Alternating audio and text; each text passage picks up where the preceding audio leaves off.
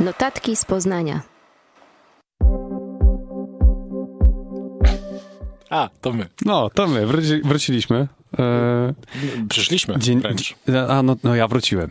Ja, ty ja, ja wróciłem. E, dzień dobry, moi drodzy. Cześć i czołem.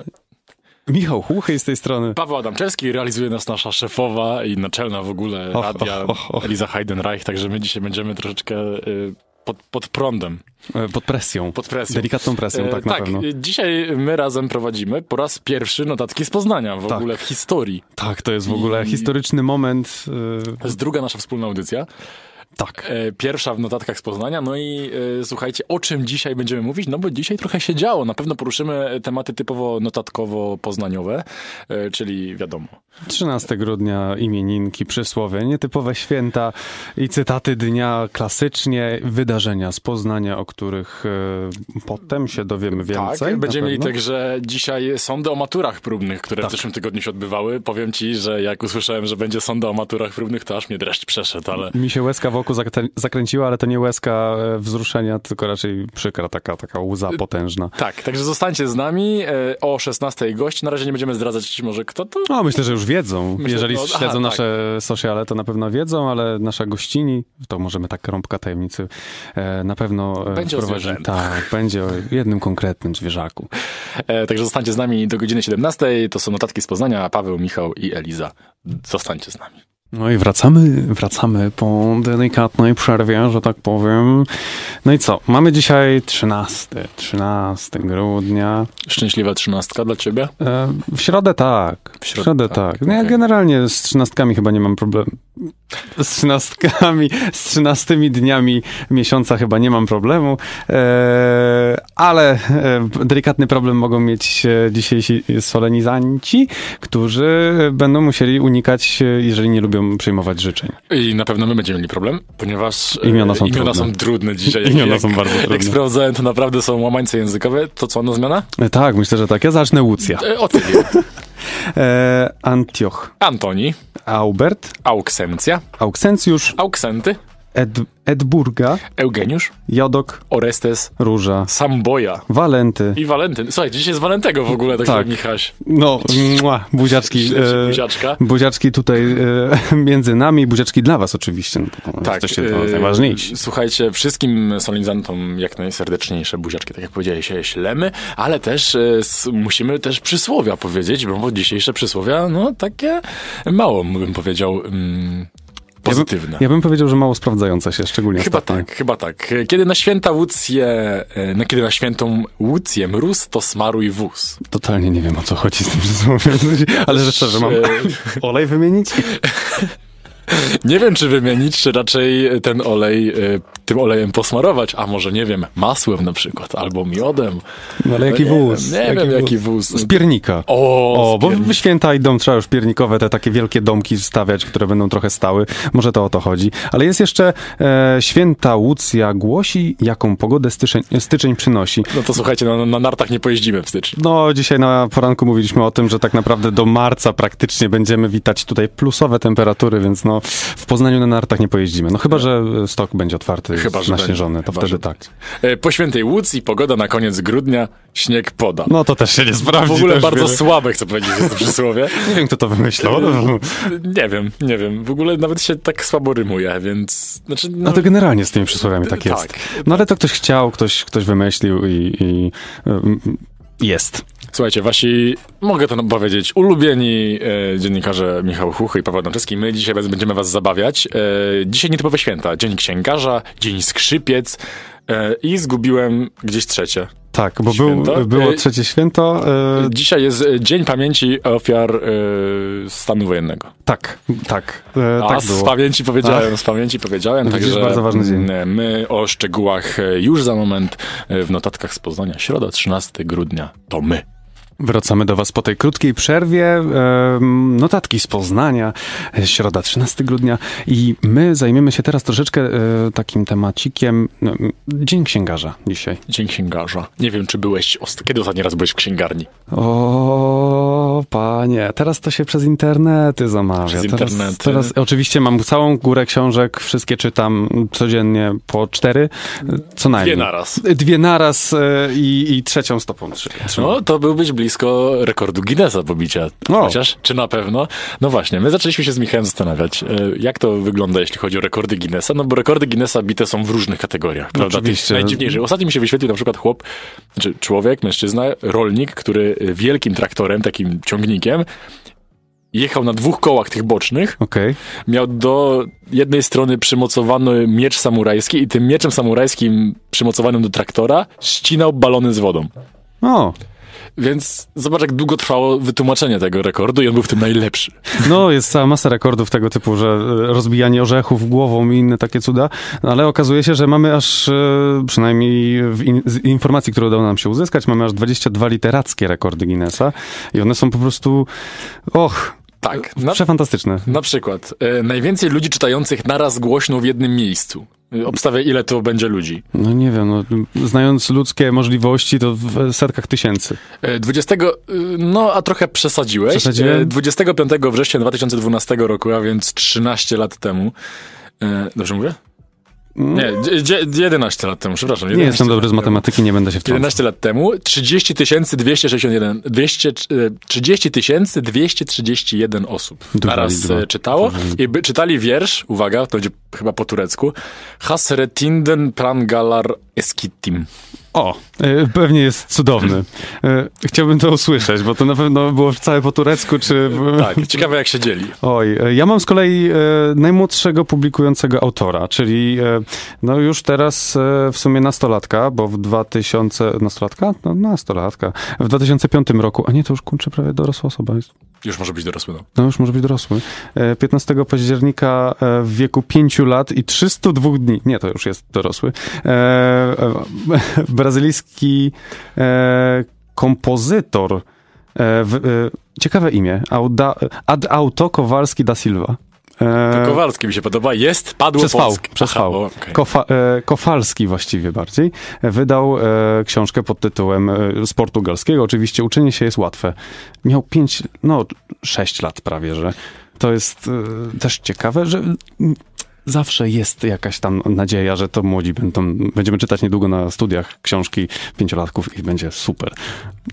Słuchaj, bo ja straciłem wątek, co mówisz, bo przeczytałem kolejny przykład. Oho. Najwięcej książek przepisanych wstecz. Po co ktoś wyda? Ale, ale że wstecz, że... Wstecz. Ja ci przeczytam, bo to, ja, to jest trudno wyjaśnić, więc ja to przeczytam. Tutaj uwaga, Okej. czytam. Włoch y, Michele Santiela przypisał wstecz w języku oryginału 70 książek, 3 miliony 751 tysięcy 465 słów. Nie będę mówił, ile to jest znaków, akapitów, linijek. Ile? 3 miliony 751 tysięcy 465 słów. Dokonał tego przy użyciu komputera z czterema pustymi klawiaturami. Ostatnią przepisaną przez niego od tyłu książką jest Opery Maya Backwards, napisana w starożytnym języku Majów. Gdyby z książek przepisanych przez Santiela ułożyć wieżę, mierzyłaby ona 4,6 metra. To y, ja mam kontrę do najmłodszego autora, do najstarszej autorki w tym przypadku. Najstarsza autorka to jest e, e, autorka książki pod tytułem Książka codziennych mądrości y, sióstr Delaney i miała ona 105 lat.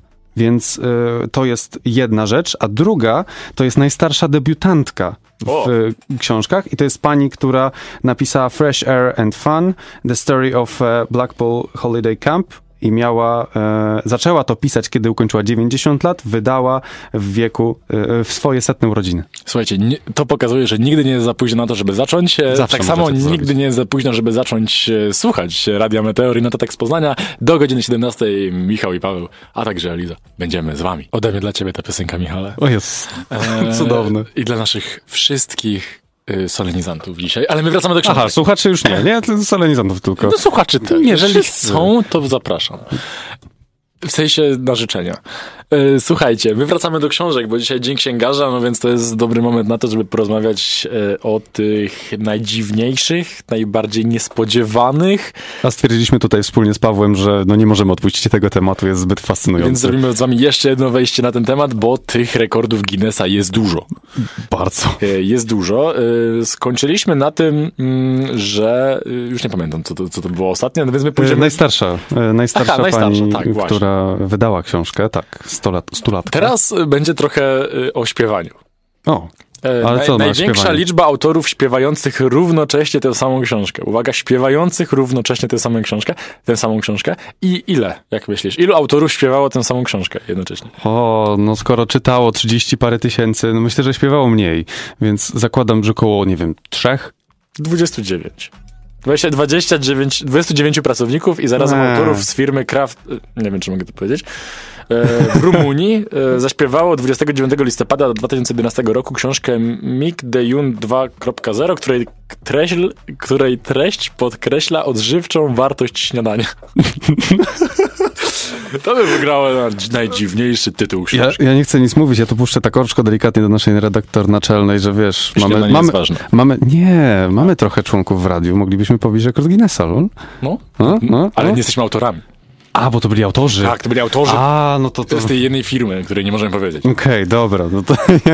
dobra, to ja mam do ciebie pytanie, Paweł. Dawaj. E, Jak według ciebie, jakiej wielkości jest najmniejsza książka? Myślę, że- Jakie są najmniejsze książki? Myślę, że może być bardzo mała. No, ale W tak sensie, mniej więcej, no- wymiary, w milimetrach. W, w milim... Dobrze, że podpowiedziałem. Tak, w milimetrach, podpowiem. W milimetrach. Ja bym powiedział, że 5 na 5. No nie, dobra, przesadziłem. Przesadziłem. 5 milimetrów, naprawdę. Kto by na tym pisał? No pół centymetra. E, Jest sobie taki mieszkaniec Indii, e, pan Vagadia, który w e, m, 1988 roku zebrał największą kolekcję miniaturowych książek i jest to 258 e, miniatur, właśnie takich miniatur. Najmniejsza z posiadanych książek ma wymiary 19 na 27 mm, największa z kolei to 47 na 55, czyli całkiem duże książki. To są całkiem duże. To, Normalnej wielkości. to są całkiem normalne wielkości E, książki. To są całkiem normalne książki, ale słuchajcie. E, najmniejsza książka świata, bo jak już jesteśmy przy najmniejszych rzeczach, to najmniejsza książka świata. E, zaraz zapytam cię potem, ile będzie kosztowała, bo to jest ciekawostka. Zgadnij, ile ma. Bo to nie zgadniesz. Najmniejsza książka Najmniejsza książka w historii. No to jak, ale to grubość, czy tak jak ja, wymiary? y, Wymiary. Wymiary. No to skoro podałeś te 5 mm, to zostaniemy przy 5. Uwaga. Kosztująca, najmniejsza e, wykonana dotąd książka ma mikro, to, to mikrochip wyryty na krystalicznej silikonowej stronie, która mierzy 70 na 100 mikrometrów. Tak coś czułem, że to będą te mikrometry. I zgadnij, ile kosztuje. No nie wiem, skoro to jest wyryte na jakieś, no parę milionów pewnie Nie, dolarów. nie, 15 tysięcy dolarów. Czemu ja tak zawyżam te sumy? Dobra, nie, to wiesz co, y, okej, y, bo ja w milionach siedzę, to teraz zapytam cię, najdroższa książka na świecie. Oj, nie mam I jej tytuł. No, Panie, powinien- e, ale czy powinienem znać? pa, pa, pa, panie, y, tak, tak? tak. E, Banalnie prosty tytuł. Nie wiem. E, Kor korci mnie jakaś encyklopedia albo Biblia. O, dobra, dobra, to jest jedna z najdroższych książek. Okej, e, okej. Biblia Gutenberga. O. E, 4,9 miliona dolar- dolarów, Wow. ale jest najdroższa. I najdroższą, e, no dobra, no nie jest aż tak najdroższa, bo droższy jest rękopis Leonarda da Vinci, ale nie wiem, czy to można pod książkę podczepić, bo le, e, on kosztuje 30 milionów dolarów, a przynajmniej tyle zapłacił za niego Bill Gates. Najdroższa książka na świecie kosztuje e, 10 milionów dolarów. Jest to książka pod tytułem Ptaki Ameryki i została e, opracowana przez amerykańskiego ornitologa i malarza Johna Jamesa Outbona. E, I dlaczego jest taka droga? Bo wyprodukowano tylko 119 egzemplarzy, z czego 108 znajduje się w muzeach i bibliotekach, więc jest nie, niedostępne. Okej, No, czyli mamy raptem e, kilka Taki sztuk. biały kruk. Tak. A, widzisz, A, a, to tak, tak, tak. Może stąd się to wzięło. Może stąd się wzięło. To słuchaj, to, y, bo czas nas troszeczkę nagli, więc y, najwolniej sprzedająca się książka No, no w latach. Nawet dziesiątkach. w lat. latach. Mm, Tłumaczenie Nowego Testamentu z koptyjskiego Tak. na łacinę autorstwa Davida Wilkinsa. I uwaga, w 1716 roku Pierwszy raz opublikowano tę książkę y, w nakładzie 500 egzemplarzy i tom sprzedawał się w tempie jednej sztuki na 20 tygodni i przez 191 lat był dostępny w druku. No, współczujemy wydawcy w sumie. Współczujemy wydawcy, y, ale słuchajcie, my też pomału sobie zmierzamy przez te notatki z Poznania, tak sobie płyniemy, e, no i dopłyniemy do Poznania, ale to za moment, bo o, no, przed 15.30 myślę tak to wyjdzie, e, usłyszycie e, sondę maturalną o pomaturach próbnych naszego redakcyjnego kolegi Tymona Si- Simona. Simona. i e, zostawiamy was w objęciach, my wrócimy po piosence, po tej właśnie sądzie, to będą dalej notatki z Poznania. Powiemy wam o tym, co tam się w Poznaniu dzieje, a trochę się dzieje. Także zostańcie z nami. W dniach od 6 do 8 grudnia na terenie szkół średnich odbyły się próbne egzaminy maturalne organizowane przez CKE. Zapytaliśmy uczniów o wrażenia z zaprezentowanych arkuszy. Czy twoim zdaniem tegoroczne matury próbne były trudne? Uważam, że były bardzo proste. Uważam, że miały średni poziom trudności. była nieco trudniejsza niż w zeszłym roku. Która matura twoim zdaniem była najtrudniejsza z tych próbnych? E, ogólnie najbardziej bałam się polskiego, ale chyba okazało się być dla mnie dość łatwy i przyjemny. Matematyka. Matematyka na pewno. Dla mnie polski. Y, Dla mnie polski, ze względu na to, że polski jest dla mnie z tych trzech przedmiotów najtrudniejszy, ale ogólnie też był w miarę w porządku. O ile po zapytaniu uczniów o najtrudniejszy arkusz ciężko było zobaczyć wśród nich jednomyślność, tak inaczej sytuacja wyglądała w przypadku najłatwiejszego. Jaka twoim zdaniem była w tym roku najłatwiejsza matura próbna? No to angielski zdecydowanie. No i angielskie to też formalność, można powiedzieć. Wyszłam po 40 minutach, więc przyjemnie. Angielski to na luzie jak zawsze. Zdecydowanie język angielski.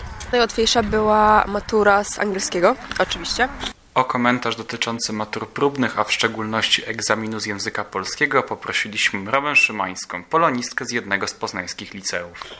Czy uważa Pani, że tegoroczne matury próbne były w jakiś sposób trudniejsze, odbiegały poziomem od zeszłorocznych matur, bądź były łatwiejsze? Myślę, że one są porównywalne do ubiegłego roku, ale także do poprzednich arkuszy maturalnych. Mówię tutaj przede wszystkim o języku polskim, chociaż w czasie rozmowy z uczniami padały bardzo różne odpowiedzi. Część twierdziła, że łatwe, że zadania, zwłaszcza dotyczące wy- wypracowania, nie sprawiały żadnego problemu, ale pojawiały się również informacje dotyczące faktu, że pierwszy temat bardzo trudny, że ciężko było e, wymyślić jakąś konkretną i adekwatną lekturę. Tak naprawdę to się przekonamy dopiero po poprawieniu tych prac. I myślę, że najważniejsze jest to, że nie ma jed- jednoznacznej odpowiedzi ze strony maturzystów, że było łatwe czy nie było łatwe, że jednak są to odpowiedzi bardzo indywidualne. Jeżeli po egzaminach próbnych uczniowie zweryfikują swoją dotychczasową wiedzę, to na nadrobienie zaległości będą mieli niespełna pół roku. Przyszłoroczna sesja maturalna rozpocznie się 7 i potrwa do 24 maja. Dla Radia Meteor, Tymoteusz Simon. Dokładnie, moi drodzy, jest środa, wysłuchacie Radia Meteor, notatki z Poznania, Paweł Adamczewski, Michał, Michał Hłuchej. Och, no A, tak, i Eliza Eliza Heidenreich. Heidenreich. E, 13 grudnia. spokojnie. My z wami tutaj jeszcze do 17. E, wy- mieliście okazję wysłuchać e, sobie sądy o maturach. Która matura była dla ciebie najła- naj, najłatwiejsza? Dla mnie? Matematyka oczywiście. Tak, pewnie, że tak. Tak mi się podobała, że robiłem już dwa razy. E, myślałaś. I nie, najłatwiejszy angielski. No to prawda. Najłatwiejszy angielski. Pozdrawiam oczywiście wszystkich e, przyszłych maturzystów. E, przed wami tragiczne wydarzenie w waszym życiu, ale dacie radę. To, nie, to naprawdę okazuje się na studiach, że to nie było aż takie trudne. Każdy może współczuć cierpieniom przyjaciół. Lecz trzeba mieć wspaniały charakter, by móc cieszyć się powodzeniem przyjaciela. Oscar Wilde, albo Oscar z Wildy, jak to już dzisiaj na poranku powiedziałem. E, no tak, no A, tak, tak, tutaj, dokładnie to tak. wszystko A propos przyjaciół, a propos przyjaciół, bo mamy tutaj, dzisiaj w ogóle taki segment zwierzęcy trochę nam się wkrada, ale wydarzyła się e, ciekawa sytuacja w, Pol- w poznańskim zoo, bo wdarła się na jego teren suczka, owczarka niemieckiego, z tego co widzę po zdjęciu, no i prawdopodobnie chciała właśnie swojemu przyjacielowi e, Manulowi Magellanowi pogratulować tego, że został mistrzem świata wśród Manuli. E, To jest najpiękniejszym manulem na świecie. bo jest najpiękniejszym manulem na świecie. E, No i co? No i suczka się zagubiła w poznańskim zoo. Pracownicy proszą o, i szukają oczywiście właściciela, no bo szkoda by było, żeby owczarek na stałe został włączony do mm, atrakcji e, poznańskiego zoo. Chociaż wydaje mi się, że tego- robiłby robotę. Robiłby, bo jest prześliczny. E, Słuchajcie, dalej e, z tego co wiemy, poszukiwany jest właściciel, ale no mamy nadzieję, że sprawa się bardzo szybko wyjaśni i no chyba możemy już zdradzić też, jak już jesteśmy przy przyjaciołach i pieskach, że dzisiaj Wyjątkowy przyjaciel i wyjątkowy mentor psa. nas odwiedzi. Tak, odwiedzi nas pani, pani właściwie Oliwia Kopiejewska, która nam troszeczkę poopowiada o swoim e, Golden Retrieverze Bobie który jest gwiazdą Instagrama. Słuchajcie, Bob Gwiazda Instagrama miał tutaj być. Miał, Miał tutaj, tutaj poszczekać. Mieliśmy już taki pomysł, Michał, że damy mu mikrofon, żeby też nam trochę podyszał i pochuchał Jakby nam po, poniuchał w mikrofon, to było tak fantastycznie, ale o Już tym... były, już były plany nawet, żebyśmy prowadzili z podłogi ten, e, tą audycję, żebyśmy mikrofony dali sobie na podłogę i po prostu razem z Bobem sobie siedzieli po turecku. Może by nam coś ciekawego powiedział. E, ale Bob e, niestety ma rozstrój żołądka i No zdarzają się takie sytuacje, że w momencie, w którym dostajecie e, mówiąc informację, że... kolokwialnie, no córka zażarła kostkę od kibla, tak no. Nie, nieprawda. Po prostu dostał, o, dowiedział się, że przyjdzie do nas do Radia Meteor i ze stresu prawdopodobnie, no nie wytrzymał Prawdopodobnie i, i tak wyszło. No i słuchajcie, co, wr- wr- wrócimy do was? E, Wrócimy, tak. Wrócimy za chwilkę, króciutka przerwa i powrócimy do Poznania, bo to też jest ważny segment notatek z Poznania. E, Tak, jesteśmy. O, ale się głośno słyszę. Zrobiliśmy chyba ten sam dźwięk, wydaliśmy. E, Słuchajcie, wracamy do Poznania. E, To są notatki z Poznania cały czas. Dlatego teraz o Poznaniu będziemy mówić i temat bardzo ważny, bo taki wręcz bym powiedział, no na skalę światową, może nie światową, ale ogólnopolską Znaczy, ważny. nie, No to jest, to jest ważny temat, no bo właściwie wszędzie możemy mieć taki problem, tak? Na całym świecie tak naprawdę są takie problemy, No, ale no- u nas to dotyczy nas, naszego uniwersytetu bezpośrednio, więc... Mówiliśmy już na pewno Tak, wielokrotnie. na radiu, na radiu, na antenie Radia Meteor e, o e, strajku okupacyjnym studentów w domu studenckim Jowita, czyli popularnych akumulatorach e, w centrum e, na, Zwierzy, na Zwierzynieckiej. Tak jest adres tam? Zwierzyniecki. E, Chyba tak, tak, tak. Tuż koło zoo, mm, tak. przy, No i- przy takich schodkach. I słuchajcie, dzisiaj ciąg dalszy tej afery trwa. Mm, dzisiaj rano pani rektor Bogumiła Kaniewska pojawiła się o godzinie 8.40 plus minus e, razem z obstawą w mm, Jowicie i tam troszeczkę zaskoczyła osoby okupujące e, i protestujące. Mm, Jak powiedziała podczas briefingu prasowego, mm, to spotkanie nie było w żaden sposób merytoryczne. E, Osoby protestujące nie za bardzo chciały e, merytorycznie rozmawiać e, z panią, e, z panią rektor. Mm, No więc e, w odpowiedzi pani rektor e, zwołała briefing prasowy, na którym poinformowała e, i potwierdziła e, informacje przekazane przez osoby protestujące, że e, stety, niestety został odcięty segment e, Jowity, w której znajdował się prysznic, o którym też osoby protestujące mówiły, więc osoby protes- protestujące teraz w Jowicie prysznica nie mają. Mają oczywiście dostęp do toalety i umywalek, ale prysznica jako tako mieć nie mają. No to spotkało się z dość dużym oburzeniem. Aczkolwiek z drugiej strony też e, e, rozmawiałem z paroma osobami protestującymi, które powiedziały, że to wręcz ich nakręciło e, do, do jeszcze większego protestowania i z, z, zwarcia szyków. Mi się wydaje, że warto tutaj przypomnieć, o co tutaj tak naprawdę chodzi, Właśnie. bo e, cało, całe, to, całe to zamieszanie tak naprawdę wychodzi z tego, że no niestety Jowita według władz e, uniwersytetu nie nadaje się już do użytku i powinna zostać zburzona na jej miejsce. Prawdopodobnie powstałby jakiś budynek e, biurowy lub coś takiego. No i tutaj studenci mm, stosują takie oświadczenia właściwie e, o tym, że nie mają alternatywy, przynajmniej w tym przedziale cenowym i że zostaje im odebrana tego jakby, jakby przestrzeń e, mieszkalna w dosyć rozsądnych cenach w centrum Poznania. No jest to problem, mamy nadzieję, że dojdzie do jakiegoś porozumienia, że coś się tutaj wyklaruje, no bo jednak... Pani, pani rektor mówiła jeszcze, że mm, idealnym rozwiązaniem byłaby dofinansowanie z ministerstwa na remont, które notabene Mhm. miałoby wynieść 100 milionów złotych, które takich pieniędzy UM nie posiada. No tak. E, A problem jest taki, że y, dzisiaj zaprzysiężono, nowy rząd z nowymi ministrami, więc ta decyzja może być jeszcze w czasie oddalona. A Jowity zamykają z 1 stycznia. Tak Oj, zupełnie. oj. Więc sytuacja jest y, dynamiczna. Na razie, tak jeżeli miałbym ocenić, to nie zapowiada się na szybkie rozwiązanie tej sytuacji, a studenci cały czas zapowiadają, że nawet na święto zostaną, żeby protestować. protestować dalej. Mam na, y, na pewno będziemy was jeszcze informować y, wielokrotnie na antenie Radio Meteor w tej sprawie. E, No i co? No i tak naprawdę za chwilkę sobie wrócimy dalej do poznańskich spraw. To są notatki z Poznania 13 grudnia. To był Green Day, ale znaczy to nie był Green Day, to będzie Green Day dopiero. E, To za, za, za moment. Najpierw posłuchacie nas. E, Próbuję jakoś przejść z Green Day do, e, do tego, o czym powiemy, ale poleci dilema za chwilę, a dylematu nie ma, bo będziemy żegnać Galerię Malta. Y, Historyczny moment, słuchaj, dla Poznania to jest, no bo jednak galeria się mm, wpięła, że tak powiem, w miasto troszeczkę, no ale niestety przychodzi jej czas i tutaj e, mieszkańcy okolicznych osiedli zwołali takie wydarzenie, możecie je odnaleźć na, sw- na Facebooku, bo 19 grudnia drzwi galerii zostają zamknięte na stałe i można spędzić sobie ostatni dzień z Tak. galerią, jeśli chcecie pochodzić po pustych korytarzach.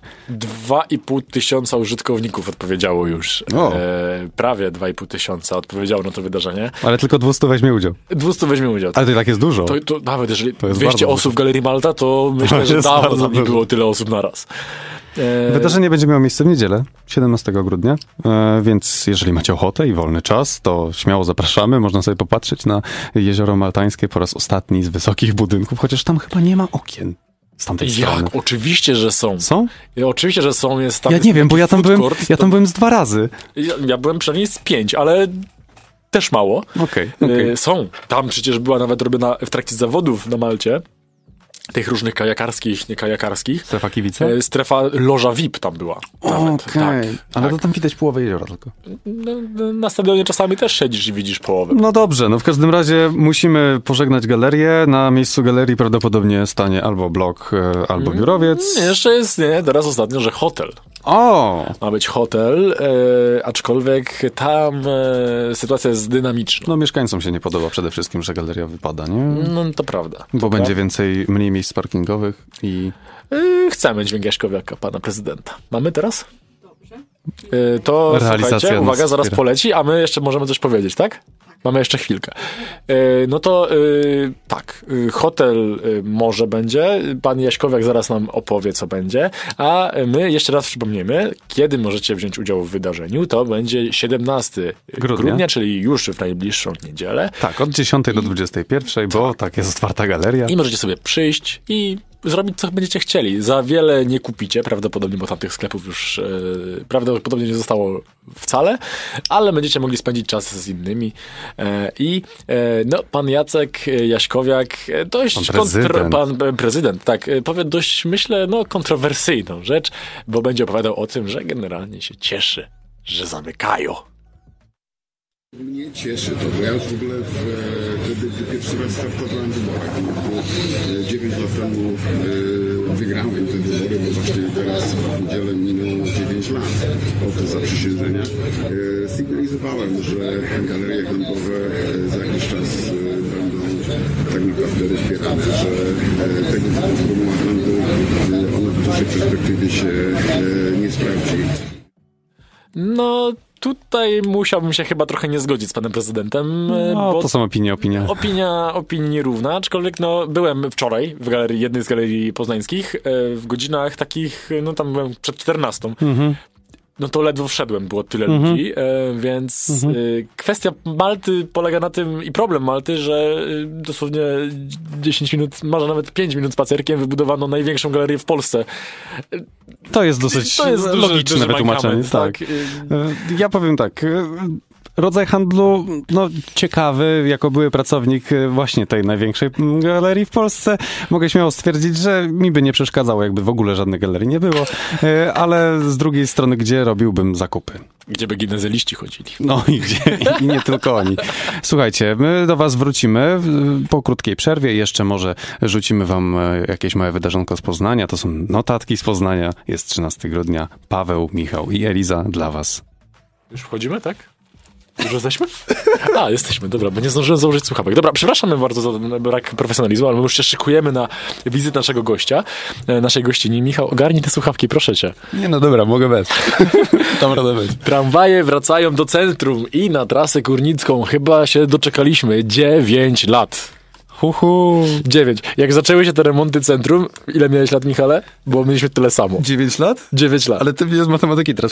9 To lat. Czekaj, trudne. pamięci y, to będziemy mieli y, 12 lat. 12 lat. No, nie, To ja totalnie nie wiedziałem, co to Poznań. Ja, ja, tak ci no tak, bo ty nie jesteś z Poznania. No. Ja w Poznaniu w wieku 12 lat, to poza tym, że mieszkałem przez 3 lata, wcześniej jak miałem 3 latka, a tak to byłem może ze trzy razy w życiu, bo tak to mieszkałem poza Poznaniem i w wieku 12 lat to naprawdę do Poznania to się zagłębiałem tak rzadko, że o, Wiesz, ja, ja w wieku 12 lat to w Poznaniu bywałem, ale była, bywałem w postaci e, super jazdy do e, zielonego Nomi.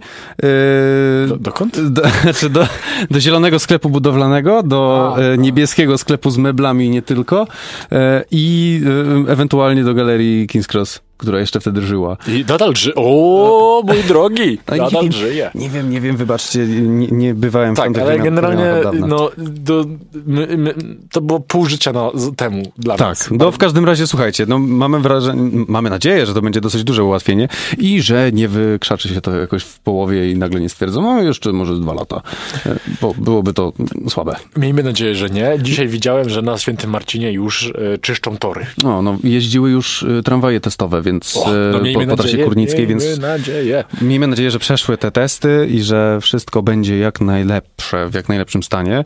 No i co? E, Teraz coś, co mnie bardzo stresuje, ponieważ ja na psach się nie znam. No zobaczymy.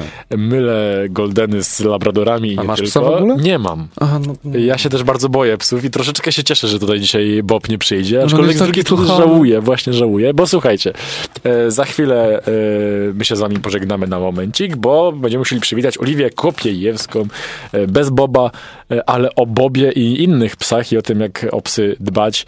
E, Opowie nam na pewno, opowie nam na pewno i może dowiemy się też różnych ciekawych rzeczy na temat tego, jak te psy wychowywać i jak, jak, jak się zachowywać na wyjazdach różnego rodzaju i, i dlaczego.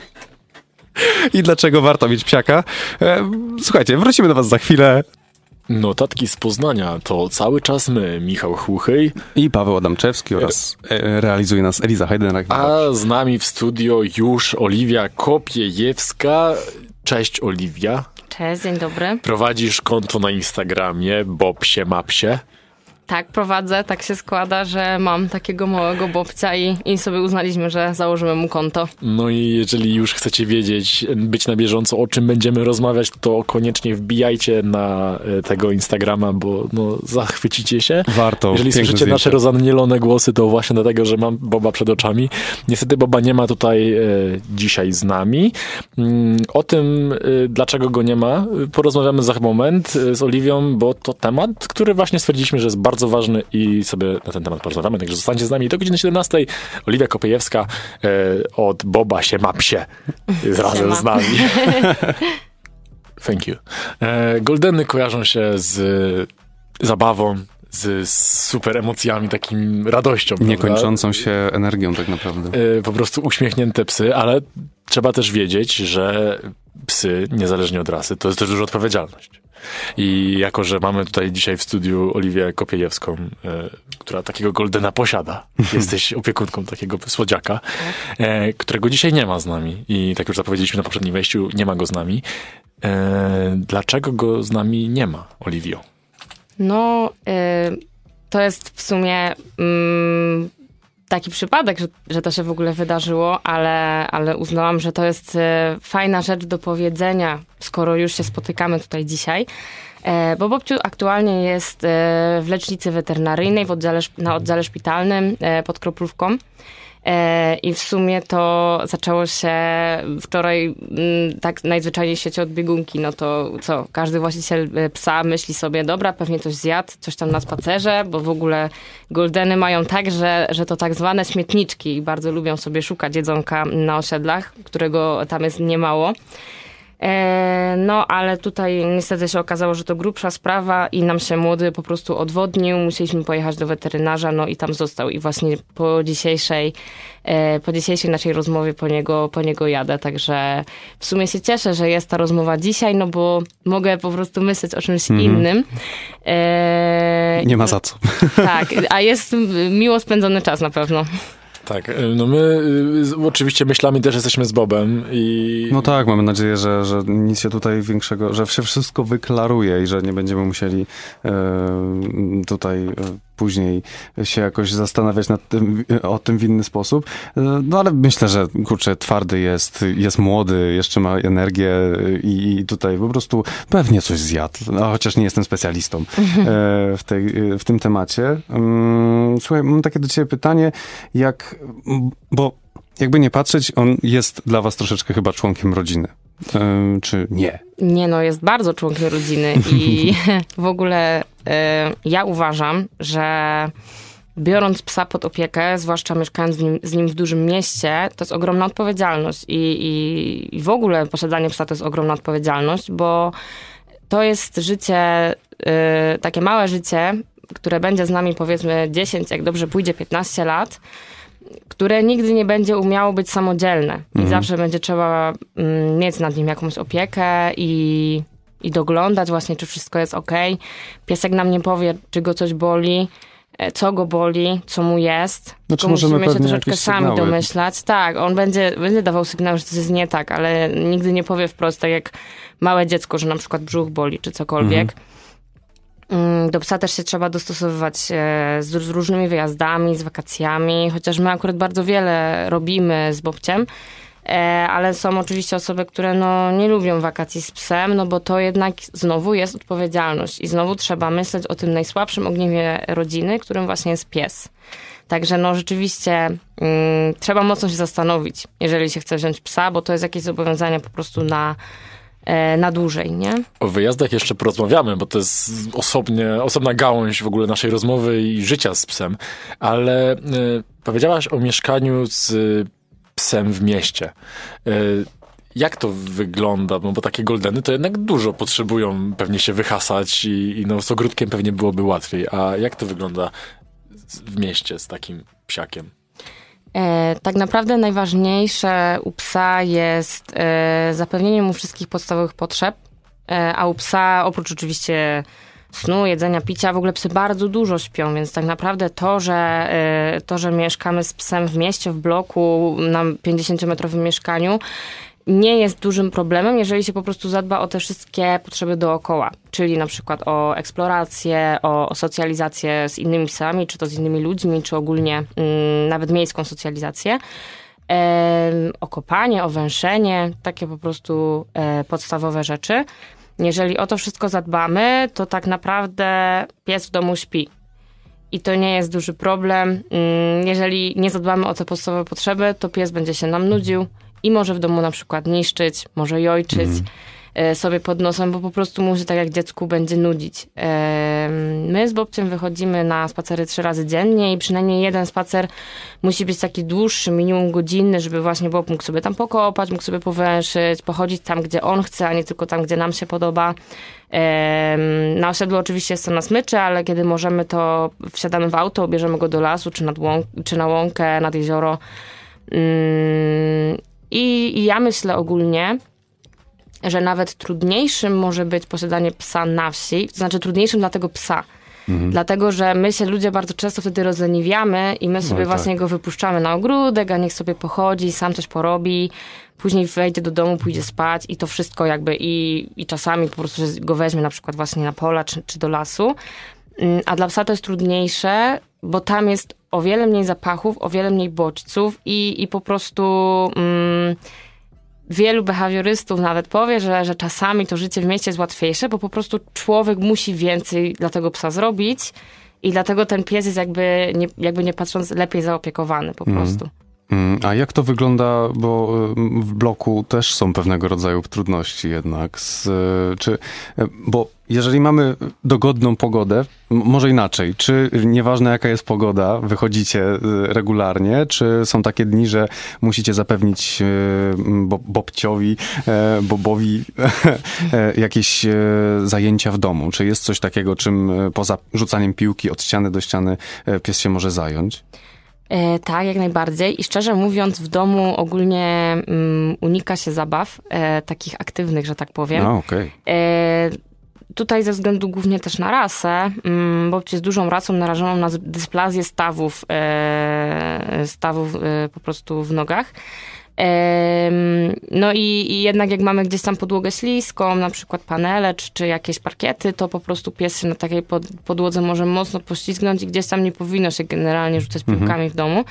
E, W domu za to fajne są bardzo zabawy węchowe, czyli możemy psu nawet, nie wiem, czy, czy karmimy po prostu suchą karmą, czy mokrą, nieważne, jakieś smaczki, coś, czy nawet warzywa pokrojone możemy powrzucać na przykład do kartonu od butów, przykryć jakimś podartym papierem, jakimiś zabawkami.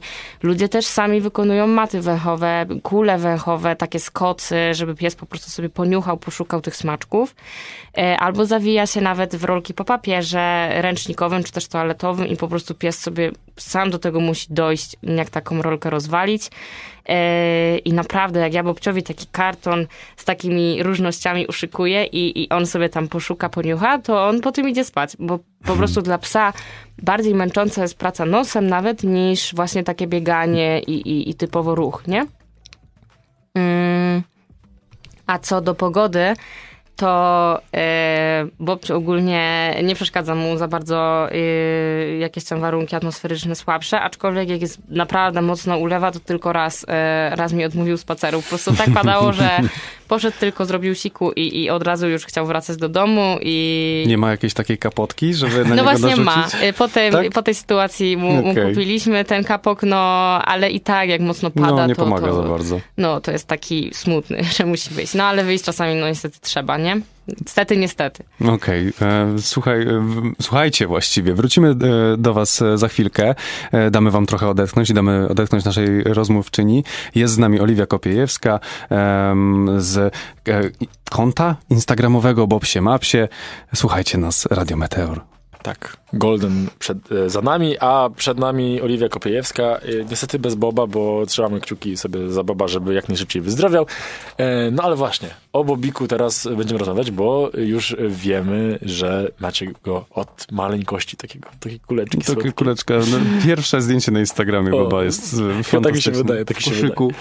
W koszyku, I teraz prawda? W koszyku. Tak. wychowaliście, bo na tych zdjęciach i filmikach, no to, to wygląda jak pies, który jest niesamowicie ułożony. Nie wiem, jak jest naprawdę. Właśnie spróbujemy to teraz e, się E, dowiedzieć. tak. Jak to z tym wychowaniem? Dokładnie. Mm, Czy było trudno, po prostu? Czy było trudno wychować się od takiego małego, bo wiadomo, troszeczkę od małego jest łatwiej, chyba, Tro, trochę, może, ale tak, mały piesek jest jak plastelina. i Po prostu to, co mu pokażemy, to czego go nauczymy, to on gdzieś tam sobie to po prostu wdrukuje. E, więc bardzo łatwo jest też małego pieska zepsuć. Jeżeli coś mu źle pokażemy, czy go wystraszymy czymś, to po prostu on to będzie pamiętał. Mm, Ja generalnie, mm, jak braliśmy Boba, kupowaliśmy Boba, to, e, to, to się stresowałam, bo my mieliśmy Bobcia tak naprawdę wziąć w- jakby w, kolejne, w kolejnym roku, e, ale wydarzyła się po prostu taka okazja w hodowli, e, zaprzyjaźnionej zresztą, bo ja już miałam kontakt wcześniej z hodowczynią, że urodziło się więcej szczeniąt i w sumie to możemy wziąć już Bobcia w tym, w sensie w zeszłym roku. Mm, a takie szybkie pytanko, e, Bobciem mógł zostać każdy, czy to był ten jeden wyjątkowy?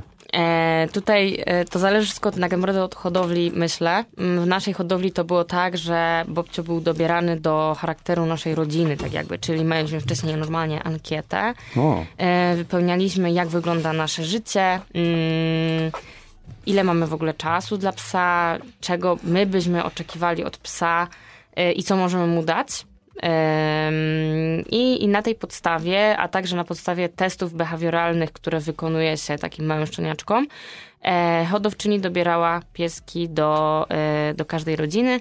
I akurat tak się złożyło, że, że do nas trafił jej ulubieniec, którego w ogóle sobie chciała zostawić, ale, ale powiedziała, że tak nas polubiła, że no a poza tym to nie może mieć po prostu kolejnego samca. także, także po prostu Bobciu został z nami. No i ja myślałam, że wychowanie, że wychowanie psa, znaczy ja wiedziałam, że jest trudne, ale mimo wszystko myślałam, że jest łatwiejsze, szczerze mówiąc, e, niż się okazało. No bo wstawanie e, nawet w nocy, żeby tam, nie wiem, posprzątać siusiu, no bo już na początku piesek nie umie robić na dworze, e, no, to, no to to jakby wiedziałam, że to się będzie działo. Ale ja zupełnie nie byłam na przykład gotowa na zjadanie śmieci na dworze, a to po prostu było takie nagminne, że, wyjmowanie z pyszczka, czego też tak bardzo się nie powinno robić, bo też piesek się uczy, wyjmując mu na siłę coś z pyszczka, że o, jak ja coś sobie fajnego znajdę, no to ja nie pójdę do, do panci, bo ona mi to zabierze, to ja będę uciekał. No a my niestety ten błąd popełniliśmy, więc Bobcio, mimo że jest golden retrieverem, który powinien aportować, no to on nie, nie aportuje, bo on myśli, że ja mu zabiorę zabawkę po prostu O, od razu. okej. Ale sobie nad tym pracujemy aktualnie. E, No ale wracając do tych śmieci, no to niestety e, pieski poznają wszystko przez pyszczek e, i wszystko pakują do buzi. Po prostu to jest maniakalne wręcz mam wrażenie. E, I Bobciu był w swojej karierze szczenięcej dwa razy na wieczorynce, na wywoływaniu wymiotów, bo po prostu zeżar coś tam nie do końca jadalnego i, i trzeba było się tego pozbyć z brzuszka. Także no też tutaj od razu uczulam, że To, to jest też jakby wychowanie szczeniaka to jest trochę taka brudna robota czasami po A, prostu. a czy wiesz już jak, e, w jaki sposób właśnie e, po, mm, nie pozwalać psu na to, żeby e, jadł śmieci z podwórka? Czy, bo, no bo w, nam się wydaje, podejrzewam jako opiekunom powiedzmy, że no to jest jedyny rozsądny sposób. Po prostu wyciągamy tą rzecz No tak. i, i nie zje jej. No ale to co mu powiemy? Wypluj? No, może... Kiedyś zadziała, wypluj, jak No, będzie kiedyś się zadziała. dużo powtarzać. Bo No teraz tak. na przykład Bobciu już praktycznie nie zjada śmieci, chyba że coś go bardzo po prostu na spacerze zestresuje. To ja już od razu widzę, że on po prostu szuka, szuka co by tu do pyska wziąć.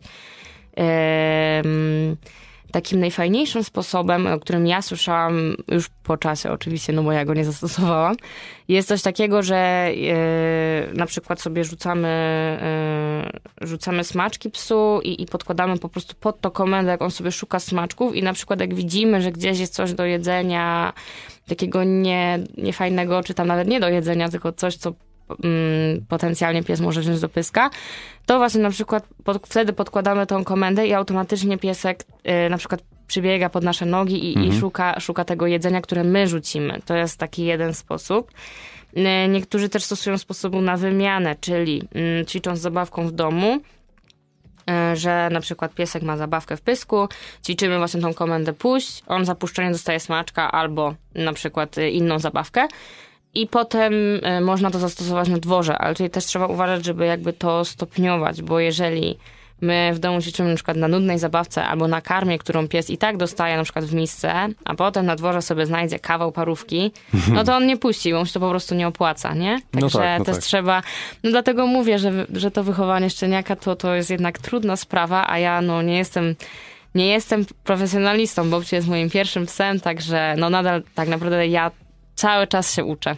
No ale tą wiedzę, którą masz, przekazujesz dalej, to jest bardzo fajne. Bardzo fajnie się tego ogląda przede wszystkim i bardzo mm, przyjemnie ogląda się Instagrama, na którym możemy obserwować rozwój tak naprawdę od maleńkości. To jest y, taka okazja no, jedna w swoim rodzaju troszeczkę. No ja przyznam, że y, ja miałam troszeczkę wątpliwości, czy zakładać tego Instagrama, bo sobie mówiłam, kurczę, znajomi to na pewno się będą śmiać w ogóle, że psu zakładam i konto i, i co oni sobie pomyślą. Ale z perspektywy czasu ja się tak cieszę. Ja tam poznałam naprawdę mnóstwo wspaniałych ludzi, mnóstwo znajomych, którzy mają podobne problemy, którzy e, pom- pomagają i wspierają po prostu. To jest tak, takie super wsparcie, bo e, jednak moi znajomi tacy powiedzmy realni, Mhm. nie internetowi po prostu, no w większości nie mają psów. Mhm. Także często po prostu nawet ja nie chciałam zawalać powiedzmy im głowy, e, zawracać gitary tak zwanej. E, Opis pierwszego posta, tak. Tak, tak, e, dokładnie. z tego powodu, no to jest Żeby po powód. prostu to przelewać jakby gdzieś do ludzi, który, którzy też się mogą z tym utożsamić. No i mm, poza tym ja się tam bardzo dużo właśnie uczę, bo tam jest też bardzo dużo ludzi, którzy mają o wiele dłużej psa ode mnie, albo też behawiorystów, trenerów. E, wiele rzeczy, które teraz robimy z Bobem, ja się o nich dowiedziałam tak naprawdę z Instagrama, także to jest mm, dla mnie to jest ogromna wartość, że ja się zdecydowałam. Mamy już tak naprawdę nawet wiele takich znajomości, które z tego internetu się przelały jakby na to życie realne, bo teraz na przykład w ten weekend byliśmy w Warszawie u znajomych, którzy też mają Goldena i z którymi się poznaliśmy właśnie przez Instagram, także no mówię, nam to troszeczkę wywróciło życie do góry nogami, ale w tym pozytywnym sensie tak naprawdę. Jeszcze na moment, przepraszam, e, na moment wrócę jeszcze do tego wychowania. Bo mówisz, że to jest twój pierwszy pies. em, I oczywiście w to nie wątpię, bo tak to zabrzmiało. E, To jest twój pie- Bobik jest twoim pierwszym psem i powiedz mi, jakie największe błędy, których największych błędów mogłaś uniknąć? I za tym idzie też drugie pytanie, z czego się uczyłaś? Jakby to wychowanie nie jest proste i co ci pomogło, wam pomogło tego psa wychować? W sensie, czy to były książki, czy internet, czy inni ludzie, czy szkoły, czy jak to wyglądało? E, To ja od razu najpierw sprostuję. E, Bobciu, e, faktycznie powiedziałam, że jest moim pierwszym psem, ale to jest pierwszy pies, którego ja samodzielnie gdzieś tam wychowuję. Okej, okej. E, bo jeszcze mam pieski w domu rodzinnym, które bardzo kocham, no ale tutaj nie było takiej świadomości. Byłam po prostu dzieckiem, jak one były, gdzieś tam się pojawiły w rodzinie. Jeżeli chodzi o naukę, to ja, mm, ja się chciałam przygotować od A do Z. Ja później dopiero sobie zdałam sprawę, że to jest niemożliwe. Także czytałam dużo książek, e, gdzieś tam już szukałam jakichś webinarów, filmików na YouTubie. Tego jest mnóstwo tak naprawdę w internecie, jest mnóstwo darmowej wiedzy. Ale też jest wiedza, powiedzmy, za małe pieniądze, nis niski koszt. Są behawioryści, którzy na przykład tworzą webinary, kursy online, które nie kosztują e, dużo, a to jest naprawdę taka wiedza w pigułce, no bo ci ludzie jednak się zajmują tym po prostu od, od wielu lat. I, I z takich e, miejsc też się uczyliśmy i z takimi miejscami też aktualnie nawet współpracujemy i sobie takie kursy na naszym koncie, mm, takie wartościowe kursy reklamujemy. I, I myślę, że to jest też fajne, żeby pokazać ludziom, którzy na przykład się przygotowują do, e, do posiadania psa. E, No ja głównie czytałam właśnie książki, mamy też, no mamy paru znajomych z pieskami i też z nimi po prostu długie rozmowy właśnie, co robić, czego nie robić, czego nie powtarzać, także też na czyichś błędach się staraliśmy uczyć. Później też na Instagramie właśnie jak już mieliśmy Bobcia, to też właśnie dużo, sami ludzie po prostu pomagali. Mm, A jeżeli chodzi o błędy, ja myślę, że największym błędem, jaki popełniliśmy w, w takim szczenięcym życiu Bobcia jest to, że troszeczkę go wpakowywaliśmy w takie sytuacje, w których on sobie do końca nie radził socjalnie, czyli na przykład e, chodziliśmy na takie spacerki, gdzie pieski się poznawały bez smyczy i jakby mm, widzą się dwa obce psy i bam, odpinamy, odpinamy smycz, biegną na siebie i teraz na przykład ja wiem, że w 99% pierwsze spotkanie obcych psów to nie jest zabawa, tylko to jest taka próba sił, demonstracja troszkę. I, I tego się nauczyłam dopiero właśnie gdzieś tam z internetu, e, że pieski się powinny poznawać tak bardziej na spokojnie, tak jak ludzie się poznają, no, no jak my się poznajemy, no to nie wiem, e, wymieniamy się imieniem. Pierwsze e, krótkie spotkanie, tak, później dokładnie. dłużej, dłużej. No tak, to, to ma sens. A, a nie przytulamy się od razu do siebie i nie wiem, y, nie, nie idziemy w tańce, cokolwiek takiego bardziej współfalającego. A jednak te psy gdzieś tam często, no, no ludzie jeszcze mają to podejście, że a, tu puść, niech się pobawią, my sobie pogadamy. No to my też tacy byliśmy i potem mm, gdzieś tam zauważyliśmy, że Bobciu nam się troszeczkę zaczął bać dużych psów, bo po prostu było spotkanie z, du- z dość dużym psem, gdzie ono po prostu nie poszło tak do końca, jak powinno. I nam się zaczął troszeczkę bać dużych psów, kłaść się na ich widok i obserwować, po prostu się stresować. Także tak, jeżeli mogłabym coś zmienić, to bardziej rozważnie bym podeszła po prostu do, e, do poznawania się z innymi psami, żeby to też były psy, od których Bob się może czegoś nauczyć. Czyli takie może, nie wiem, bardziej zrównoważone, żeby po prostu on sobie czerpał od, te, e, od nich, jak powinna wyglądać e, ta, ta relacja z pieskami. E, No bo tak jak już mówiliście wcześniej, Golden to jest taka czysta radość i dużo emocji. I niestety mm, wiele psów tego nie rozumie. I jak Bobciu taki wesolutki gdzieś tam próbuje obwąchać psa i jeszcze zrobi jakiś taki swój unik, bo on po prostu no, w ogóle jest teraz w fazie dojrzewania, więc jest w nim dużo emocji. Więc często jak gdzieś tam próbuje obwąchać psa, to robi jakieś takie dziwne uniki albo, albo sobie musi kółeczko przebiec, bo po prostu jest w nim ach, tyle tego wszystkiego. No to niektóre psy tego nie rozumieją i albo się boją, albo, albo zaczynają na przykład warczyć, bo, bo po prostu nie podoba im się to, co robi Bobciu. Mm, Ale to też jest troszeczkę specyfika rasy. Rzeczywiście Goldeny to jest dużo emocji i często najpierw robię, potem myślę po prostu. E, także, także gdybym mogła, e, to, to, to od małego gdzieś samą pokazywała bardziej spokojne psy, bo mimo, że tego, tej jego natury bym nie zmieniła, tej natury takiego troszeczkę wariacika, to może troszeczkę byśmy to po prostu stonowali, a tak to no na razie musimy sobie radzić e, z emocjami. Mm, Dobrze, okej. Słuchaj, e, wrócimy jeszcze e, do naszych słuchaczy e, po krótkim tutaj muzycznym przerywniku. Z nami jest Oliwia Kopiejewska. Em, Bobsie, Mapsie, słuchajcie, cały czas możecie wbijać na Instagrama, obserwować, do, dołączać do tej społeczności, od której można się wiele nauczyć. Polecamy. Hu. Michał Chuchyj, Paweł Adamczewski, Eliza Heidenreich i Oliwia Kopiejewska. To nasza czwórka. Nie ma z nami Bobika, Bobiku. Trzymamy kciuki. Trzymamy kciuki. I jak już powiedzieliśmy sobie na poza anteniu, czekamy na, na spotkanie e, Tak. w najbliższej przyszłości, bo teraz już nie odpuścimy. Teraz Teraz puścimy, Tak, bo mam nadzieję, że się kiedyś uda. Nie, my będziemy czekać na zaproszenie. Dokładnie, bo tutaj właśnie Oliwii pokazywaliśmy z Michałem, jaki mieliśmy plan, że tutaj na ziemi byśmy usiedli i Bobik by sobie niuchał i fumflał do mikrofonu i może by coś zaszczekał. A Nawet. może by spróbował go nawet ugryźć, bo on to wszystko do buzi No pakuje. i fantastycznie, no, No i super. o to chodzi. Taki- Nie mówmy o tym e, naszemu opiekunowi radia, który za ten sprzęt odpowiada lepiej, ale Takich właśnie pod, wariacików, jak to ładnie powiedziałaś, potrzebujemy właśnie w, na antenie. Ale słuchajcie, yy, na waszym Instagramie jest też dużo podróży, a jak wiemy, bo też tam powiedziałaś na samym początku, że podróże z psem nie zawsze są, ojejku, nie zawsze są takie, takie łatwe. I Nie teraz, mogę odpalać tego Instagrama. Jak to u was wygląda? I jak się podróżuje z psem w ogóle? Bo macie też tu, y, w ogóle warto powiedzieć, że na waszym Instagramie tutaj pojawia się też sporo takich informacji poży, po, po, pożytecznych, e, pożytecznych, bo robicie takie mikroporadniki o tym w sumie, jak, jak z e, psiakiem chociażby w góry iść. To, Tak. Em, my jesteśmy troszeczkę e, takie, takie górskie friki z, e, z moim narzeczonym. I, I rzeczywiście zawsze jak sobie chodziliśmy po górach, to sobie marzyliśmy, że jak będziemy już mieli psa, to on będzie chodził z nami. I tak będziemy sobie dopasowywać, no bo niestety e, trzeba wziąć pod uwagę, że mm, nie wszystkie szlaki górskie są otwarte dla psów mm, i niestety coraz więcej ich się zam- zamyka notabene. E, no, że będziemy sobie tak po prostu dobierać zawsze tę wycieczkę, żeby, żeby Bobciu mógł, e, mógł być z nami. Jeżeli chodzi o podróże z psem, to e, tutaj znowu wraca temat odpowiedzialności. To jest troszeczkę tak jak z małym dzieckiem na wakacjach. Ja, ogólnie wiemy- z psem jest troszeczkę jak z no małym dokładnie dzieckiem, nie? tak. Tylko to małe dziecko nigdy nie rośnie, niestety. Mm, Przynajmniej umysłowo.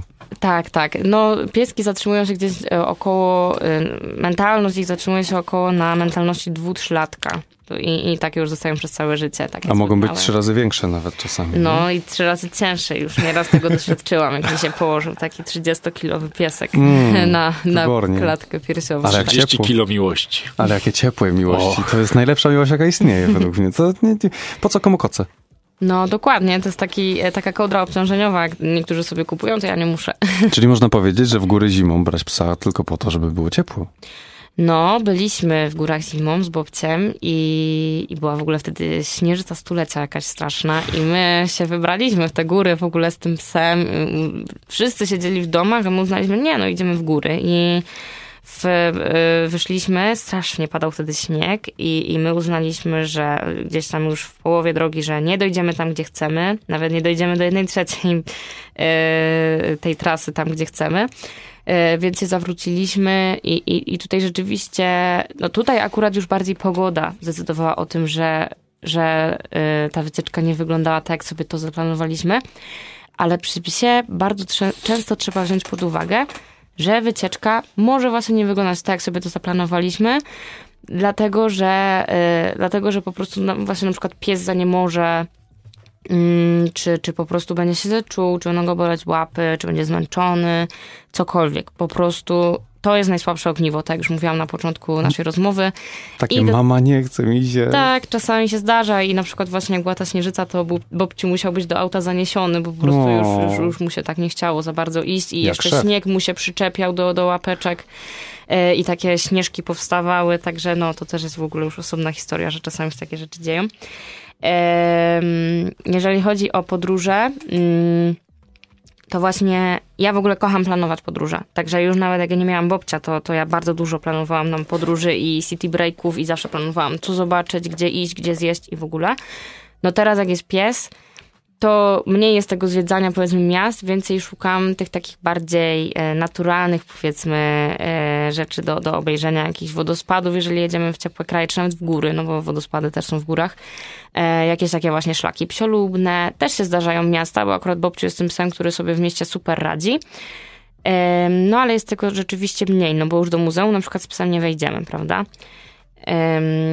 Jeżeli chodzi o, o podróże z psem, no to, to wiadomo, w samolot nie wsiądziemy, a przynajmniej ja nie wsiądę, bo, bo nie chcę po prostu psa wkładać w luk bagażowy, a Bob jest za duży, żeby go wziąć na pokład. Także my jeździmy autem wszędzie i często zdarza się tak, że Bobciu ma większy bagaż od nas, bo tu trzeba wziąć i jedzenie, i jakieś smycze, i trzeba wziąć w razie czego właśnie jakieś lekarstwa, czy, czy, czy bandaże, czy po prostu taką apteczkę pierwszej potrzeby. Em, właśnie jakiś kot, ulubione legowisko, maskotki trzeba wziąć, żeby po prostu też piesek się dobrze poczuł w nowym miejscu. Um, Bobciu akurat dobrze znosi jazdę, ale są pieski, do, które w ogóle trzeba przyzwyczaić takiej dłuższej jazdy autem. E, niektóre psy muszą nawet brać e, takie, takie leki, powiedzmy, na chorobę lokomocyjną. Tak.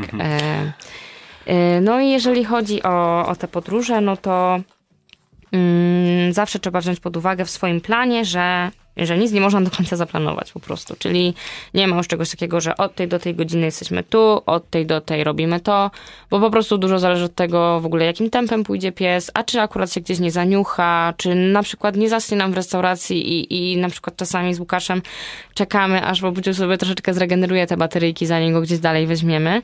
Em, mieliśmy na przykład taką sytuację, bo byliśmy z Bobciem w Grecji, Byliśmy w salonikach i na przykład Bobciowi się em, zdarł pazurek i, i, i krwawiła mu łapka. I wtedy też musieliśmy skrócić nasz pobyt praktycznie o pół dnia i po prostu wrócić do, do domu. I takie rzeczy trzeba brać pod uwagę, więc jeżeli jesteśmy gdzieś tam tymi travel freakami powiedzmy i lubimy odhaczać sobie z listy wszystko, co zobaczyć, a jak nie zobaczymy, to po prostu już nam się tutaj gotuje, no to nie z psem, nie? No bo, bo jednak przy psie trzeba być bardzo elastycznym i, i to wszystko dostosowywać po prostu do niego. A czy jak dostosowujecie tak dużo życia pod psa, to czy pies się trochę nie rozleniwia, nie czuje się panem w waszym domu? Mm, teoria dominacji e, gdzieś tam kiedyś była bardzo popularna. Mm, teraz nie uważam, że ona jest obalona, mm, ale y, jeżeli chodzi o, o psa i o jego ludzi, że tak powiem, to to są członkowie stada i jakby pies przez to, że my dużo dla niego robimy, powiedzmy sobie szczerze, y, i, ale też wydajemy mu na przykład jedzenie, y, no to, to pies wie, że, że, że to my mamy troszeczkę nad nim to zwierzchnictwo, aczkolwiek ja osobiście wolę tutaj to określenie, że, że to jest takie powiedzmy partnerstwo z psem, nie? No bo jednak my, my staramy się Bobcia nie zmuszać do niczego, wszystko robimy za właśnie taką obopólną zgodą, żeby po prostu e, on się z, nami czuł dobrze, ale jeżeli my go o coś poprosimy, co nie do końca jest dla niego fajne, to dzięki temu, że mamy to takie partnerstwo, to on po prostu powiedzmy sobie przymknie oko i, i na przykład się zgodzi, nie wiem, na jakiś zastrzyk weterynarza, czy na obcięcie pazurków, co nie jest przyjemne dla psów. E, takie, takie partnerstwo po prostu ja myślę, że jest o wiele bardziej korzystne niż próba wywołania na psie takiego poczucia, że, że to ja dominuję, a ty masz się mnie troszeczkę bać, bo, bo jak nie zrobisz tego, co ja chcę, to się stanie coś tam. Ja jednak wolę tą, em, tą teorię, powiedzmy, takiego bardziej partnerstwa, aczkolwiek nie, uża- nie uważam, że, że, że ta teoria dominacji e, gdzieś tam w ogóle jest obalona. Mhm. A tak, e, jak już rozmawialiśmy o planowaniu, o planowaniu podróży, o planowaniu e, dnia i w ogóle e, tego wszystkiego wokół psiaka, to jeszcze takie pytanie, które może być trochę istotne i nie wiem, czy już masz taki zakres mniej więcej w swojej głowie po tym półtora roku mniej więcej, tak? Jakoś tak. Jak bardzo trzeba poświęcić swoje finanse dla psa? Em, Czy jest, y, może inaczej, czy jest, y, czy da się jakby psa wychować tak, żebyśmy za bardzo nie uszczuplili swojego na przykład majątku, że tak powiem, e, nie, nie robiąc krzywdy psu jednocześnie? To jest bardzo fajne pytanie, mm, bo dużo ludzi zatrzymuje się gdzieś na tym, że, yy, że cena psa, na przykład w hodowli, czy na Oliksie, czy nie wiem, chyba w niektórych schroniskach też się płaci za, za adopcję, to to jest jakby, niektórzy ludzie się na tym najbardziej skupiają, nie? E, o, a może weźmiemy jednak psa z tam, nie wiem, nie do końca e, legalnej hodowli, żeby troszeczkę było taniej, żeby sobie właśnie zaoszczędzić kaskę. A to jest tak naprawdę wierzchołek góry lodowej bo trzeba pamiętać, że właśnie psu trzeba kupować jedzenie, e, zależnie jeszcze jak go karmimy, e, no to to różnie to, to po prostu wychodzi kosztowo.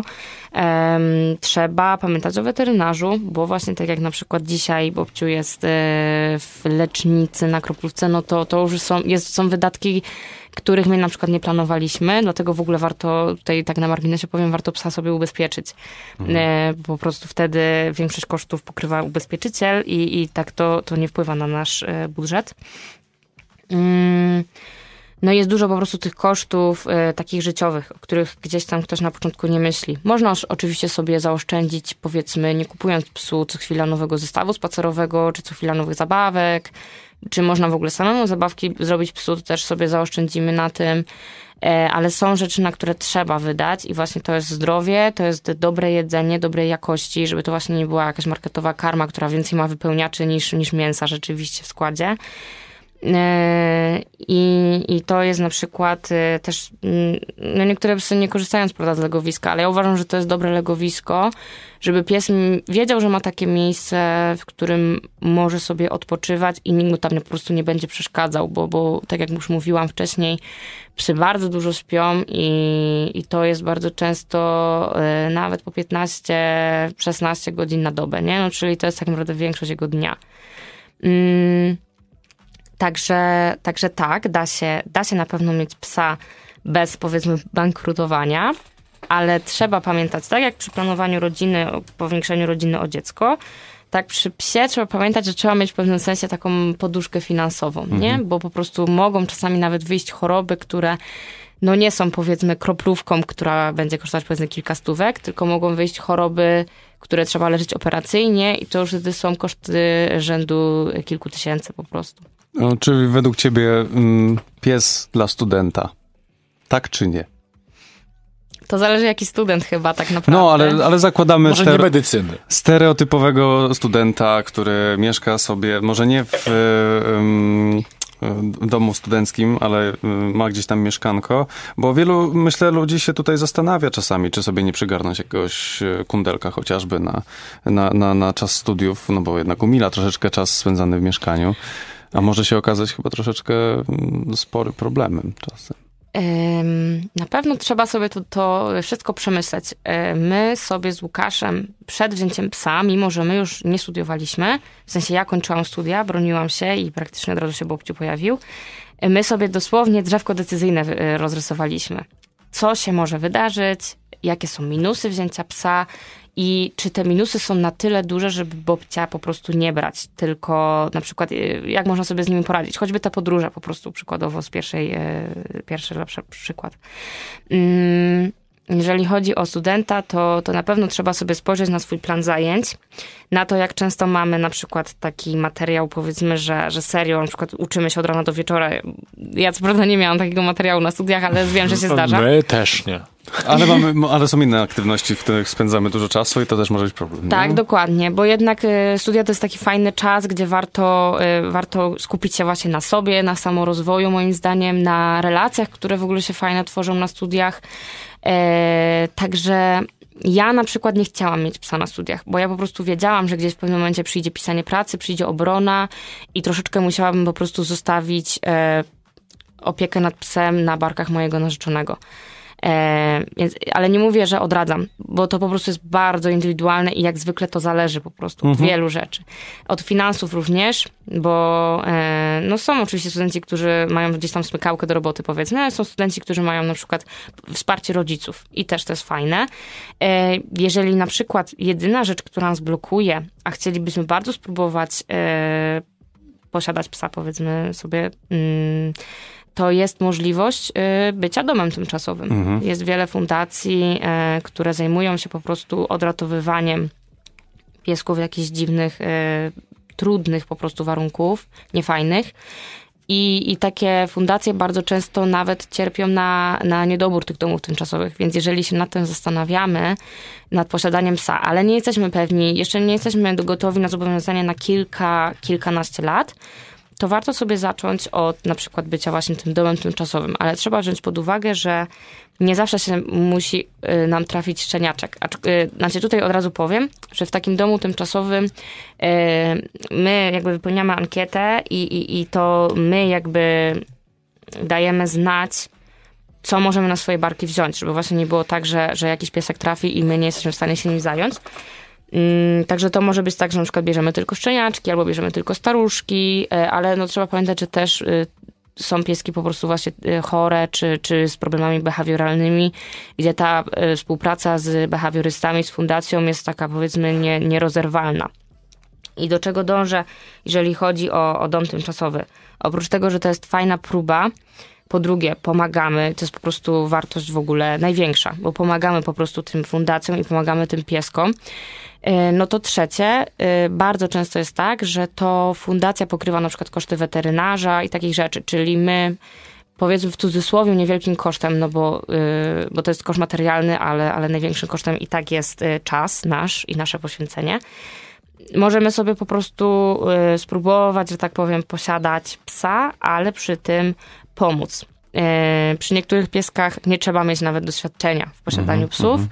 Y, No to wszystko już jest tak naprawdę ustalane bezpośrednio z fundacjami, nie? Okej, okej. No myślę, że tutaj mm, warto się... Z... W ogóle z psem to trzeba się chyba nad wszystkim po prostu zastanowić dobrze i mm, nie myśleć przede wszystkim o sobie, ale też o tym zwierzęciu. E, czy ty, Pawle, masz jakieś pytanie, bo widzę, że się wyrywa. Ja chciałem, bo czas nas nagli, a ja Tak. chciałem bardzo poruszyć temat y, samego Instagrama. Y, Jak to wygląda w ogóle prowadzenie Instagrama o zwierzaku? Czy to jest fajne w ogóle? No bo jednak... Ludzie, jak ludzie reagują na to, że jak mówisz na przykład wśród znajomych, których poznajesz, tak, ja prowadzę Instagrama mojego psa. Ja bym powiedział, że uuu, Ale ja myślę, że znam ludzi, którzy mogliby w sensie tak trochę spojrzeć. Też znam ludzi takich, mm, którzy nawet wprost mi powiedzieli, że trochę to jest dla nich dziwne, ale jakby ja się ani nie obrażam, ani nie, ym, nie uważam, że, że to jest coś złego, że to powiedzieli, bo po prostu, ym, no bo ja sama, no tak jak już wam mówiłam, troszeczkę na początku miałam wątpliwości, czy to, czy to w ogóle robić. Ym, ale no, jest to fajne dla mnie. Gdyby to nie było fajne, to ja bym tego nie robiła, bo ja oczywiście teraz już trochę robię to oczywiście dla osób, które nas obserwują i dla, dla osób, które piszą, że codziennie zaglądają, co fajnego słuchać u Bobcia i w ogóle. Teraz w ogóle jak Bobciu jest e, w tej lecznicy i ja dałam znać na story, to dostałam ogrom po prostu wiadomości, yy, właśnie z trzymaniem kciuków, z szybkim powrotem do zdrowia i, i, i po prostu z takim wsparciem. I to jest w ogóle piękne. Także ja już teraz nie byłabym w stanie z tego e, zrezygnować na pewno, ale trzeba gdzieś tam zachować ten balans, żeby Instagram nie stał się tym obowiązkiem, tylko żeby jednak nadal to była przyjemność, żeby nadal czuć, że robimy to dla siebie, a nie tylko, tylko pod publiczkę, że tak powiem. Czyli mm, ja akurat jestem tą oso- osobą, co tak nie do końca umie dążyć za trendami i, gdzieś tam to konto nie jest może jakieś duże, mm, ale nie chcę po prostu też robić czegoś na siłę, na przykład, nie wiem, wstawiać siedmiu rolek y, tygodniowo po prostu, żeby, żeby zdobywać zasięgi, tylko chcę, żeby to była bardziej taka nasza pamiątka, bo po prostu fajnie mi się wraca do, do tych początków, do tych zdjęć, jak Bobci był taką, takim małym orzeszkiem i, i do tych, y, do naszego pierwszego pobytu nad jeziorem na przykład, to gdzieś tam jak sobie to oglądam, zawsze, zawsze się łezka w oku kręci. E, I to ma dla mnie o wiele większą wartość niż to, że pod tym, pod tym filmikiem było 100 czy 300 polubień. To jest taki trochę, taki trochę album ze zdjęciami Tak. dla ciebie, Mhm. okej. No y, ja właśnie kątem oka zobaczyłem, że no, to konto powiększyło się o kolejnego followersa. E, myślę, że mam nadzieję, że nasi słuchacze i nie tylko, i ekipa Radio Meteor też tutaj gdzieś e, powiększy to grono. Będziemy Bob obserwować. się mapsie. Bob się mapsie, znajdźcie na Instagramie. Nie jest trudno naprawdę. Wystarczy wpisać Bob się ma i wyskakuje tak naprawdę Tak, od Bob razu. podłoga się ma. Bo nie? podłoga się ma, tak koniecznie. Em, I y, tak naprawdę No, musimy kończyć musimy chyba. niestety Musimy się kończyć. zawijać delikatnie. Dziękujemy ci bardzo za tę rozmowę. Oczywiście trzymamy kciuki za Boba. Uściskaj tutaj- proszę Bobika od Tak, nas. jak już będziesz mogła, żeby nie było, że zmu- zmuszamy coś takiego. E, mamy nadzieję na ponowne spotkanie, tym razem już z naszym tutaj e, głównym bohaterem e, opowieści tych wszystkich, e, który może będzie miał jakieś nowe doświadczenia ze sobą, e, przyniesie e, i nam pochucha w mikrofon. Bardzo Naszą. Gościnią była Oliwia Kopiejewska, e, właścicielka i opiekunka Bobika. E, Bob się mapsie, wbijajcie na Instagrama. Bardzo wam dziękujemy. Ja wam y, jeszcze też tylko chciałam podziękować bardzo serdecznie za zaproszenie, za to, że mogłam tutaj troszeczkę ponudzić na temat psiaka i, i mam nadzieję, że też troszeczkę otworzyłam oczy, może, może to jest bardzo patetycznie powiedziane, ale że uświadomiłam troszkę, jak to też wygląda od podszewki. E, No i też czekam na, na kolejne zaproszenie, bo, bo Bobciu bardzo by się cieszył, gdyby was poznał, bo to jest piesek, któremu się uśmiech po prostu nie, nie, nie schodzi mu z pyska, także na pewno by tutaj, może by tu troszeczkę narozrabiał, ale na pewno by się bardzo cieszył i byłoby to dla niego fajne wydarzenie. Bądźmy jak Bobik. E, także e, słuchajcie, miłego wieczoru wam życzymy z Radiem Meteoru, Meteor w tę piękną środę. Eliza Heidenreich nas realizowała, Oliwia Kopiejewska i Bobik mentalnie był z nami. A my się żegnamy. Tak, e, prowadzili e, notatki z Poznania dla was e, Paweł Adamczewski I Michał Chłuchy dziękujemy wam serdecznie i do usłyszenia. Dziękuję.